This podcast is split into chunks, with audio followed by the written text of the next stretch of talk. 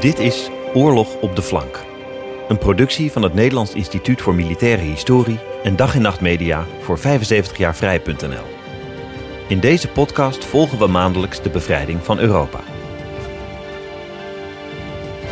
Aflevering 11. April 1945. Het crescendo.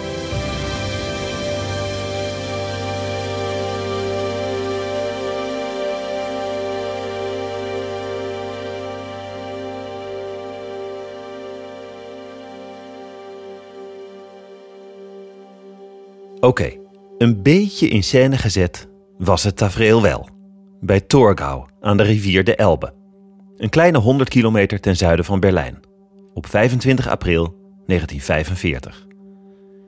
Hier schudden ze elkaar voor het eerst de hand. Omhelsten ze elkaar. Ze, dat waren de Amerikaanse GI's en de Russische Ivans.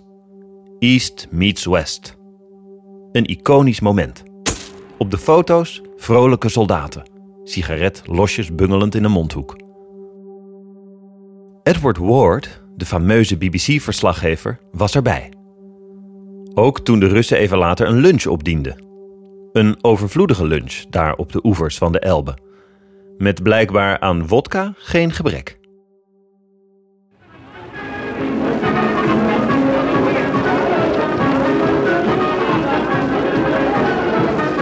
Hello, BBC. Hello, BBC. This is Edward Ward speaking from Corps Headquarters of the Russian Red Army on the east bank of the Elbe. You can hear this music. This is the Red Orchestra playing. We've got some dancing here. The Russian dancer is dancing around. We just had a very, very big lunch with the Red Army.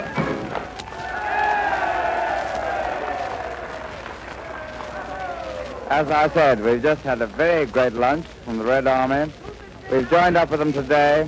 General Hodges and the Russian general are giving very big speeches. And we're all here and everything is beautiful. And everything is beautiful. Inderdaad, april was in veel opzichten een goede maand geweest. Met als uitkomst? Nazi-Duitsland was in tweeën gehakt bij Torgau aan de Elbe. Maar er was een keerzijde. Hoe verder de geallieerden oprukten, hoe vaker de gruweldaden van een moorddadig regime zich openbaarden.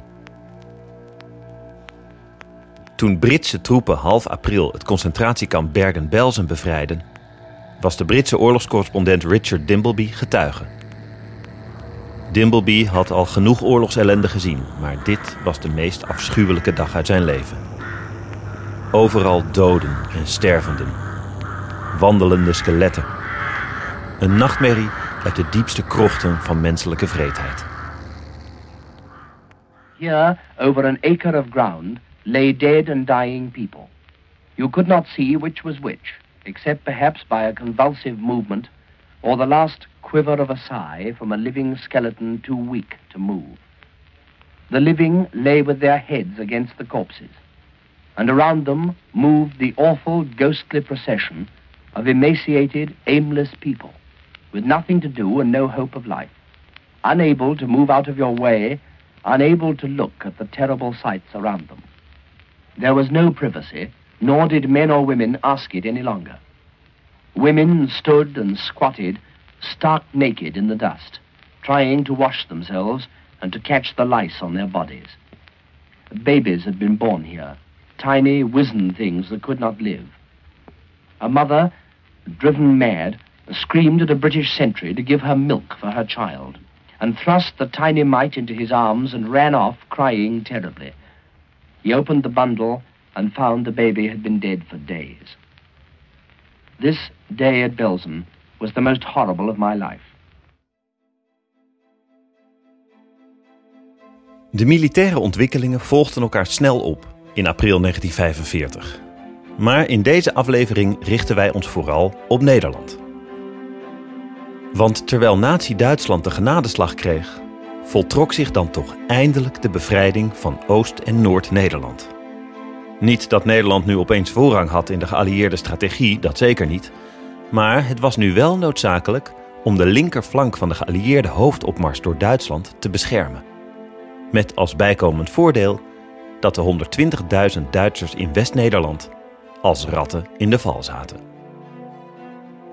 Het bevrijden van Oost- en Noord-Nederland was vooral de taak van het eerste Canadese leger, dat tevens een Britse en Poolse divisie bevatte.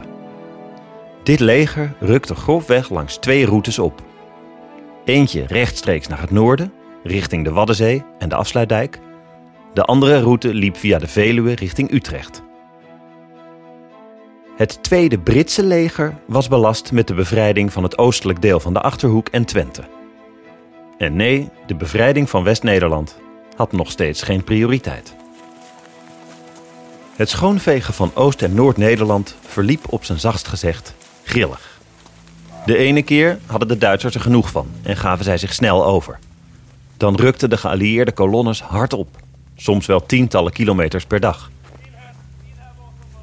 In de spits van de aanval wisselden de eenheden elkaar af, als een soort militaire estafette. En dan, opeens, was er weer een Duitse commandant die besloot tot de laatste man te blijven vechten. Vaak volstrekt onvoorspelbaar en bovendien onlogisch, want waarom? Om de eer te redden of vanuit een laatste restje zinloos fanatisme? Neem bijvoorbeeld de situatie in Doetinchem, begin april. Dit is een fragment uit het oorlogsdagboek van de Canadese Calgary Highlanders. Met uiterste taaiheid verdedigen de Duitsers een wegversperring van tramwagens vol beton. Hoewel ze bij het invallen van de nacht aan alle kanten omsingeld waren, hielden de Duitsers verbeten stand achter de tramwagens. Bij het aanbreken van paasmaandag waren al onze compagnieën in het centrum samengetrokken.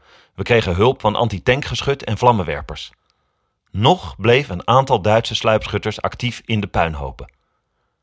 We zetten een systematische klopjacht op touw om hen uit te schakelen. Een kilometer of veertig noordelijker voltrok zich een totaal ander schouwspel. In het gehucht Usselo, een pittoresk Twents dorpje op de weg van Boekelo naar Enschede. Daar werd de dagelijkse rust verstoord door een kolonne kaki-kleurige tanks, bespannen met rood-wit-blauwe en oranje doeken, die ongehinderd door het dorp trok. In dagblad Het Parool deed een ooggetuige zijn verhaal. De commandant van de voorste tank wenkt me om te vragen hoe hij het snelst in Inschede komt. Dan komen ook de eerste bevrijden uit hun huizen. Boeren in hemdsmouwen en zonder boordje aanschouwen met open monden het wonder. Bint moffen, meneer? Nee, het bin Engelsen.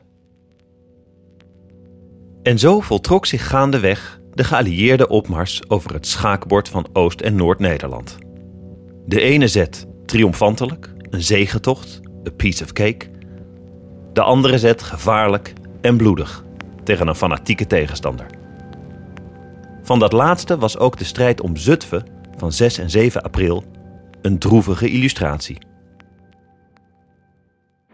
Tanks van de 4e Canadese divisie rolden Nederland binnen.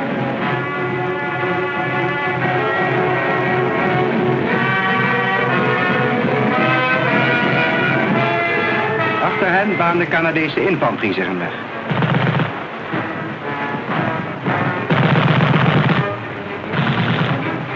Schuren en huizen langs de wegen werden Duitse sluipschutters met behulp van tanks onschadelijk gemaakt. Zutphen werd omsingeld door de derde Canadese divisie infanterie. Fanatieke Hitler-aanbidders hielden stand gedurende twee dagen van felle straatgevechten.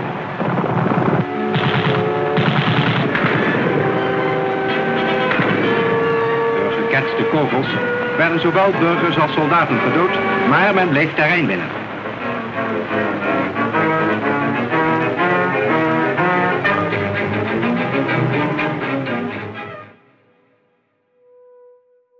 Over één ding waren alle geallieerde soldaten het eens.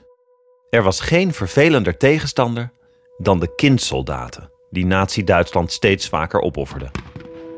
Jonge knullen, die vaak haast argeloos en naïef vochten tot de dood.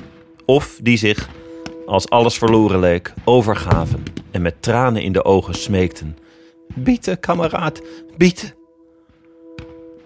Deze jongens waren ook in Zutphen. Oorlogscorrespondent Douglas Ameron schreef: De SS was niet mis, maar deze Hitlerjugend was volslagen waanzinnig.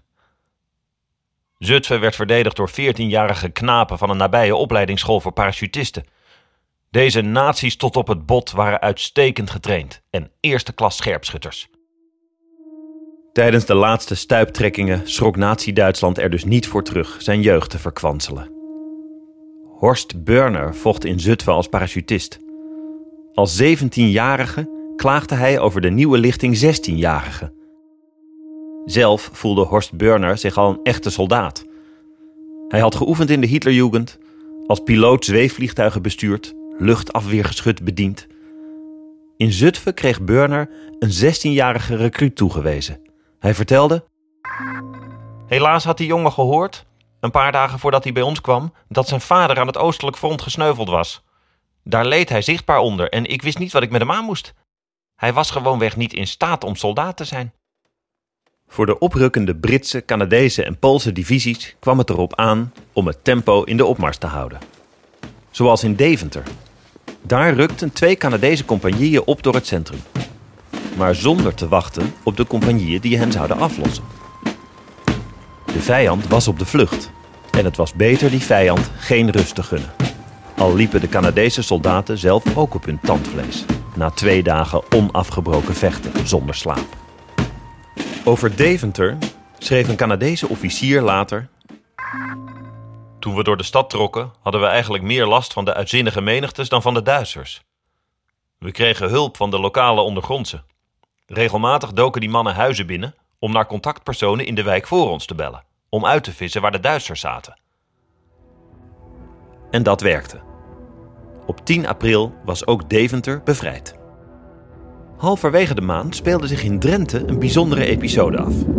Een reeks commandoacties vanuit de lucht. Dit keer niet door Britse, Amerikaanse of Poolse militairen, maar door Franse commando's. Ingedeeld bij de Britse Special Air Service, de roemruchte SAS. Hun lijfspreuk was Who Dares Wins. Codenaam van deze operatie? Amherst. Een klassieke commando-operatie. Zo weggeplukt uit een oorlogsroman.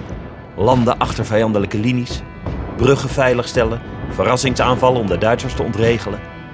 Toeslaan uit het niets. Maar niet alle acties waren even succesvol. Zo probeerde een groepje Fransen een hinderlaag te leggen op de weg van Borner naar Gieten. Een Franse parachutist vertelde: De opmars naar de plek van onze hinderlaag verloopt traag en is moeilijk geheim te houden. Nederlandse honden zijn, zoals alle honden op de wereld, de pest voor para's tijdens nachtelijke tochten. Bij een huis ontstaat een schietpartij met de Duitsers. Vanaf nu is één ding zeker: er zal alarm worden geslagen. En van de geplande hinderlaag zal niets meer terechtkomen. Een paar dagen lang probeerden de Franse para's zoveel mogelijk chaos en paniek te veroorzaken bij de Duitsers. Tot ze werden afgelost door de oprukkende grondtroepen. Op 12 april was Westerbork bevrijd. Een dag later ook Assen. Bijna overal, in alle dorpen en steden, werden de geallieerde bevrijders onthaald met dezelfde uitbundige vreugde. Als stroop plakkend aan de oprukkende kolonnes. Leeuwarden was een treffend voorbeeld. Een Canadese militair noteerde. Het was een druilerige zondag, 15 april. Behoedzaam reden we het centrum binnen. Toen kwamen alle onderdrukte gevoelens van opwinding en hoop tot uitbarsting in één bulderend en vurig welkom. Mensen huilden, zongen, dansten, sloegen Canadese soldaten op de schouders en overstelpten ze met eten en drinken. In een eindeloos ritme klonk het: We hebben hier zo lang op gewacht, zo lang op gewacht, zo lang op gewacht. In zijn meest eerlijke en onstuimige vorm was dit dus de bevrijding. Heel wat Canadese soldaten zagen deze dag dit tafereel in Leeuwarden als de vervulling van een onuitgesproken gevoel van rechtvaardigheid. Hetzelfde gevoel dat ze vier, vijf jaar eerder naar Europa had gebracht. Twee dagen later, op 17 april, stonden de Canadezen aan de afsluitdijk. Met luchtsteun van een paar Typhoon jachtbommenwerpers was het Duitse verzet in een half uurtje gebroken. Langs deze dijk kon geen Duitser meer ontsnappen. In zijn memoires schreef de Canadese brigadegeneraal James Allen Roberts: We marcheerden door Friesland zoals Napoleon door Oostenrijk in 1805. Oké, dat is een, laten we zeggen, interessante historische parallel. In 1805 moest Napoleon eerst nog wel even de verzamelde legers van Rusland en Oostenrijk verslaan. Maar wat generaal Roberts bedoelde, is natuurlijk duidelijk. Het was één grote triomfantelijke opmars. Maar eigenlijk had Friesland zichzelf al bevrijd, met dank aan het lokale verzet. Was het overal maar zo snel en zo beheerst als in Friesland gegaan? De bevrijding van de stad Groningen illustreert hoe onvoorspelbaar, versplinterd en gewelddadig de geallieerde opmars soms ook nog kon zijn.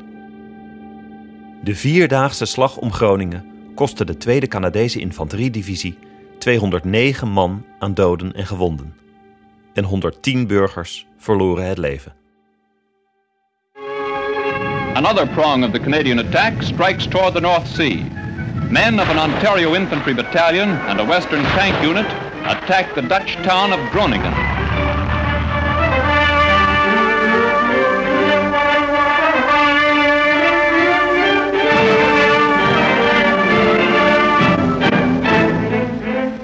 While the attack is still in progress, civilians try to save their homes while under sniper fire. For them, the lines of prisoners are a happy sight. It means liberation and a return to the normal way of life. De strijd om Groningen kenmerkte zich door felle straatgevechten tegen een zeer standvastige vijand. Met opnieuw dat eeuwige gevaar voor de burgers, klemgezet in het oorlogsgeweld.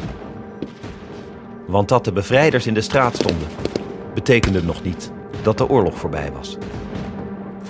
Een Canadese luitenant herinnerde zich een grote kerel, zo rond de 40, iemands broer of vader. Oranje armband om, een lid van het verzet.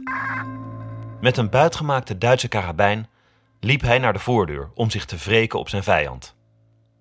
Maar in de open deur trof een vijandelijke kogel hem in het hoofd.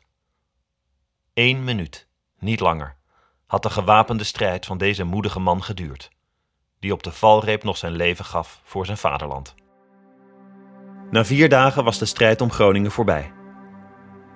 Maar aan bizarre taferelen kwam voorlopig nog geen einde. Toen de kerkklokken begonnen te luiden, lag er op de grote markt nog een dood paard. Een Canadese soldaat was getuige van de scène die zich toen voltrok. Plotseling stroomde een menselijke massa het marktplein op. Messen en hakbijlen in de aanslag. Binnen een paar minuten was er van het paard niets meer over, behalve de hoeven. Toen pas drong het bij me door hoe hongerig deze mensen eigenlijk waren. Tot zover de opmars richting het noorden, richting Waddenzee en Afsluitdijk. Laten we nu ook eens kijken naar die andere aanvalsas. Via de Veluwe naar het westen, richting Utrecht. Met als belangrijkste doelen de grote steden. Zoals bijvoorbeeld Arnhem. Arnhem was natuurlijk een stad met een bijzondere betekenis, vooral voor de Britten. Het was immers de stad waar in september 1944 operatie Market Garden was gestrand. Dat epische gevecht waarover veldmaarschalk Montgomery later zou zeggen: Er zijn weinig episodes die roemrijker zijn dan het heldenepos van Arnhem.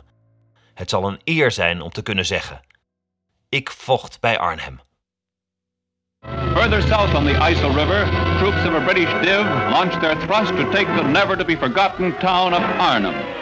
Canadian guns fire in support.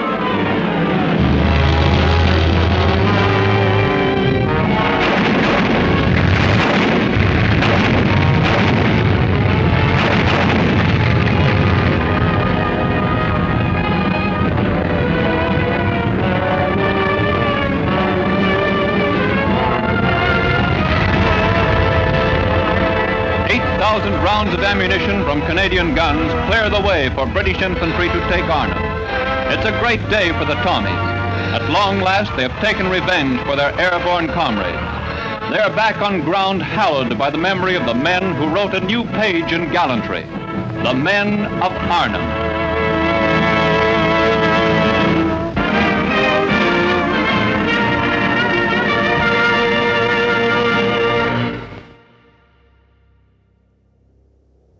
Op 14 april 1945 was ook Arnhem bevrijd.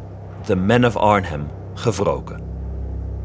Na de evacuaties van 1944 was het een spookstad geworden. Zwaar beschadigd door alle gevechten en bombardementen. Luitenant Hen Bollen, een Nederlander in Engelse dienst, omschreef Arnhem als een lugubere plek. Een stad zonder één enkele burger. Alle winkels, huizen, kantoren leeggeroofd. Flarden van gordijnen die uit kapotte ramen wapperen. Tientallen verwilderde honden en katten die door de straten en rond de huizen sluipen. Die doodse verlatenheid, die afschuwelijke spookachtige aanblik van een lege plunderde stad. Die heel merkwaardige, niet te definiëren stank die overal hing. Dat alles zal ik mijn leven lang niet vergeten. Ook elders op de Veluwe kregen de oprukkende geallieerden weer diezelfde grillige mengelmoes voorgeschoteld. Duitsers die soms fel terugvochten, dan weer zonder slag of stoot de wapens neerlegden. En burgers die uitgelaten feest vierden of juist diep rouwden. Laten we ook eens inzoomen op Apeldoorn, de koningsstad. Hier arriveerden de Canadezen op dinsdag 17 april 1945. De stad was vrijwel leeggeschud van vijanden, op een bescheiden Duitse achterhoede na die de boel moest vertragen. Vooral sluipschutters en één sprengcommando, dat de belangrijke Deventerbrug in het oosten van de stad moest opblazen. Maar dat sprengcommando vond het welletjes zo. Het plaatselijke verzet overreden de mannen om de brug niet te vernietigen. Waarom zouden ze nog? Als het eenmaal zover was, konden ze zich aan het verzet overgeven. Nu was het natuurlijk wel zaak de Canadezen tijdig op de hoogte te brengen dat Apeldoorn vrijwel onverdedigd was, voordat ze de stad met hun kanonnen onder vuur zouden nemen. Gijs Numan, de leider van het lokale verzet, vervolgde het verhaal. Om de Canadese commandant ervan te overtuigen dat ons verhaal over de zwakte van de vijand in Apeldoorn waar was, bood ik aan de door ons gevangen genomen mannen van het sprengcommando op te halen en aan hem voor te geleiden. Na veel gepraat stemde hij ermee in, mits ik drie Canadezen zou meenemen. Toen hebben we de twee Duitsers opgehaald en ze mee teruggenomen naar de Canadese kant van het kanaal. Na een korte briefing trokken we de stad in. En dat binnentrekken, nou, dat was wederom een hele opgave. Niet vanwege doorvechtende Duitsers, nee, die waren er niet meer maar omdat een uitzinnige menigte de straten vulde. Boeketten bloemen vlogen door de lucht. Meisjes drukten zoenen op wangen van blozende militairen. En zo, stap voor stap, veegden de Britten en Canadezen de Veluwe schoon. 14 april Arnhem bevrijd, 17 april Apeldoorn, 18 april Putten en Harderwijk. The third arm of advance is aimed at the Zuyder Zee. At Dieren, tanks of the 1st Canadian Armored Brigade link up with the brigade of the 1st Canadian Div. Veterans of Italy are welcomed by hysterical Hollanders. Driving ahead, our armor outflanks the town of Apeldoorn.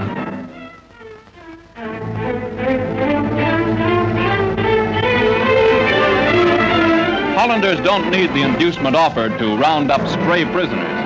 The outmaneuvered army scatters like chaff in a wind.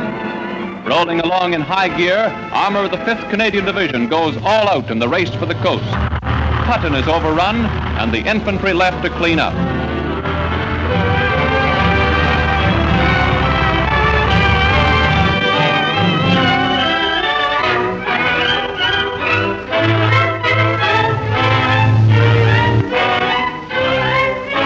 Finally, the objective is reached. At Harderwijk, 5th Div consolidates its positions on the shores of the sea. So ends victoriously the magnificent drive through mud and flood to the Zuyder Zee. The magnificent drive through mud and flood to the Zuiderzee. Dat behoeft toch nauwelijks vertaling. De geallieerden baanden zich een weg door Nederland. Gelukkig stevast vergezeld door een goede dosis soldatenhumor. Bij een geïmproviseerd krijgsgevangenkamp, ergens langs de opmarsroute, plaatsten Canadese militairen een bord met de verlokkende oproep: In ruil voor elke Duitser hier ingeleverd een lekkere kop thee. Langzaam maar zeker naderden de Britten en Canadezen de oude Grebbelinie. Die strekte zich grofweg uit van Amersfoort via Wageningen naar de Waal. En nu? Doorstoten naar West-Nederland? De definitieve genadeklap? Nou, nee. Daar waagde het geallieerde opperbevel zich nog steeds niet aan. Te lastig en te gevaarlijk. En zo ontstond er in de tweede helft van april een padstelling langs de Grebbelinie. Op gezette tijden lieten de Duitsers met hun kanonnen weten dat ze de strijd nog niet opgaven. Dat werd aan den lijve ondervonden door een Nederlandse tolk in de buurt van Amersfoort. De tolk had zich onder het pseudoniem Harry Smith aangemeld bij een Canadees regiment. Hij vertelde: Zij verbood de Canadezen min of meer te schieten op molens, kerktorens en wat verder typisch Nederlandse gebouwen waren. Maar in een vlak land als Nederland zitten artilleriewaarnemers bij voorkeur op de hoogste punten, in kerktorens. Dat hebben wij geweten. De Duitse artillerie stond op de Eng in Soest en de kanonnen beschoten ons vooral op etenstijd. Op een morgen sloeg een granaat in de keuken in. De kok werd gedood, al het eten weg. Een Canadese tankcommandant werd godsliederlijk kwaad. Met een enkel schot trof hij de Onze Lieve Vrouwentoren in Amersfoort, waarin hij een Duitse waarnemer vermoedde. Toen was de Duitse beschieting afgelopen. Dat was op 24 april. Een dag later plaatsten de Duitsers trouwens boven in diezelfde Onze Lieve Vrouwentoren een stroopop, gekleed in militaire jas en compleet met helm. Een oude, afgezaagde krijgslist, maar de Canadezen lieten zich verleiden. Munitie hadden ze toch in overvloed en dus vuurden ze 49 granaten af op de toren. Op drie na troffen die allemaal doel. Amersfoort schrok op die 25 april. Maar een echt geallieerd offensief bleef uit. Amersfoort was een van die steden die de pech hadden aan de verkeerde kant van de oude Grebbelinie te liggen. En dus moesten de burgers nog twee weken wachten op hun bevrijding. Eén vraag blijft hangen. Als de geallieerden wel hadden doorgedrukt richting het westen, zouden de Duitsers dan ook echt om West-Nederland hebben gevochten? Een laatste daad van krijgshaftigheid, hoe zinloos ook, om de Duitse reputatie te redden, of wat daar nog van te redden viel. Hitler had bevolen de Festung Holland tot de laatste man te verdedigen. Half april zetten de Duitsers de Wieringermeer onder water tegen eventuele luchtlandingen. Het leek er inderdaad op dat de 120.000 Duitsers in West-Nederland zich niet zomaar zouden overgeven. Uitbreken naar het oosten? Kansloos. Militaire zelfmoord. En dus wachten beide partijen af. Elkaar over de Grebbelinie heen beglurend. Onder de hongerende bevolking van West-Nederland overheerste intussen de apathie. Een verdovende lusteloosheid. Huisartsen schrapten hun spreekuren. Meer dan wat aspirine konden ze toch niet voorschrijven. 700 gram brood per persoon per week was het rantsoen. Voor zwarthandelaren waren het winstgevende hoogtijdagen. Tulpenbollen? Natuurlijk, meneer. Dat is dan 7 gulden per kilo. In bevrijd Nederland interviewde Radio Herrijzend Nederland op 20 april twee burgers die waren ontsnapt aan de hongersnood in West-Nederland. Ja, en tenslotte, wat is nu de algemene reactie onder de mensen op dit alles? Och, de mensen houden zich over het algemeen bewonderenswaardig dapper. Ondanks de teleurstellingen, doordat de verwachte bevrijding steeds maar niet won. De kring waarin hun interesse zich beweegt, wordt naarmate de nood groter wordt, steeds kleiner. Er is haast zelfs geen belangstelling voor meer voor de fronten. Alleen die berichten interesseren hen die onmiddellijk betrekking hebben op hun eigen bevrijding. In hun hart is ook geen plaats meer voor uitbundige sympathie jegens hun bondgenoten of felle haat jegens de moffen. De algemene stemming zou ik willen karakteriseren als apathisch, dus dof en lusteloos. Een triest beeld. Burgers te uitgeput om de Duitsers nog intens te haten. En ook te ontgoocheld om de bondgenoten nog veel sympathie te gunnen. Alleen de bevrijding zelf was nog de moeite waard. Het enige dat nog telde.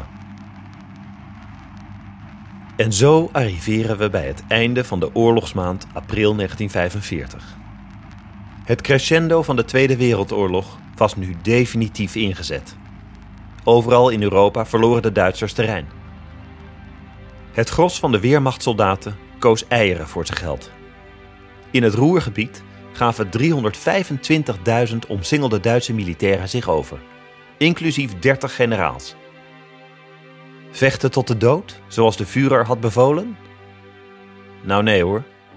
Overal sloegen Duitse soldaten hun wapens stuk en vernietigden ze hun materieel. Een jonge Duitse luitenant vertelde: Onze regimentscommandant kon zijn tranen nauwelijks bedwingen. Hij zei dat we de oorlog hadden verloren. Dat alle doden voor niets waren gevallen. Uit Berlijn kwam het codewoord Weerwolf.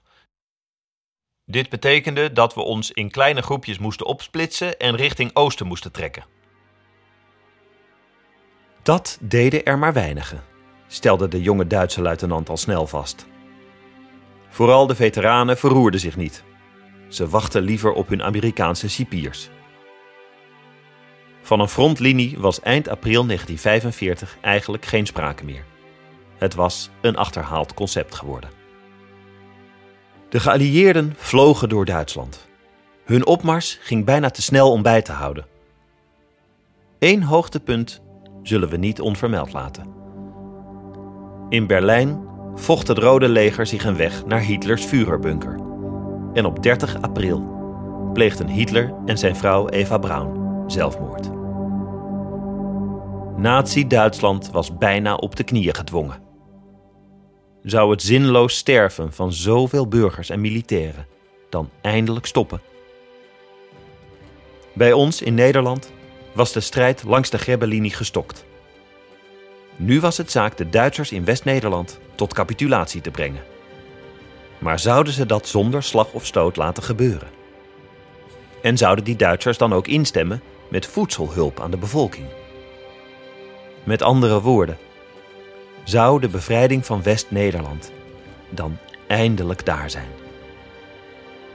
Luister voor de antwoorden naar de volgende aflevering van Oorlog op de Flank. Oorlog op de Flank is een podcast van het Nederlands Instituut voor Militaire Historie, geproduceerd door Dag en Nacht Media. De podcast is onderdeel van de multimediale Ode aan de Vrijheid. Kijk daarvoor ook op www.75jaarvrij.nl. En is mogelijk gemaakt door het DOSCO Ontwikkelfonds. Dank ook aan het Nederlands Instituut voor Beeld en Geluid. Research Marco Middelwijk. Projectleider NIMH Lianne van den Doel. Tekstschrijver Christ Klep. Productie en editing Anne Janssens en Cezanne Moeilijker van Dag en Nacht Media.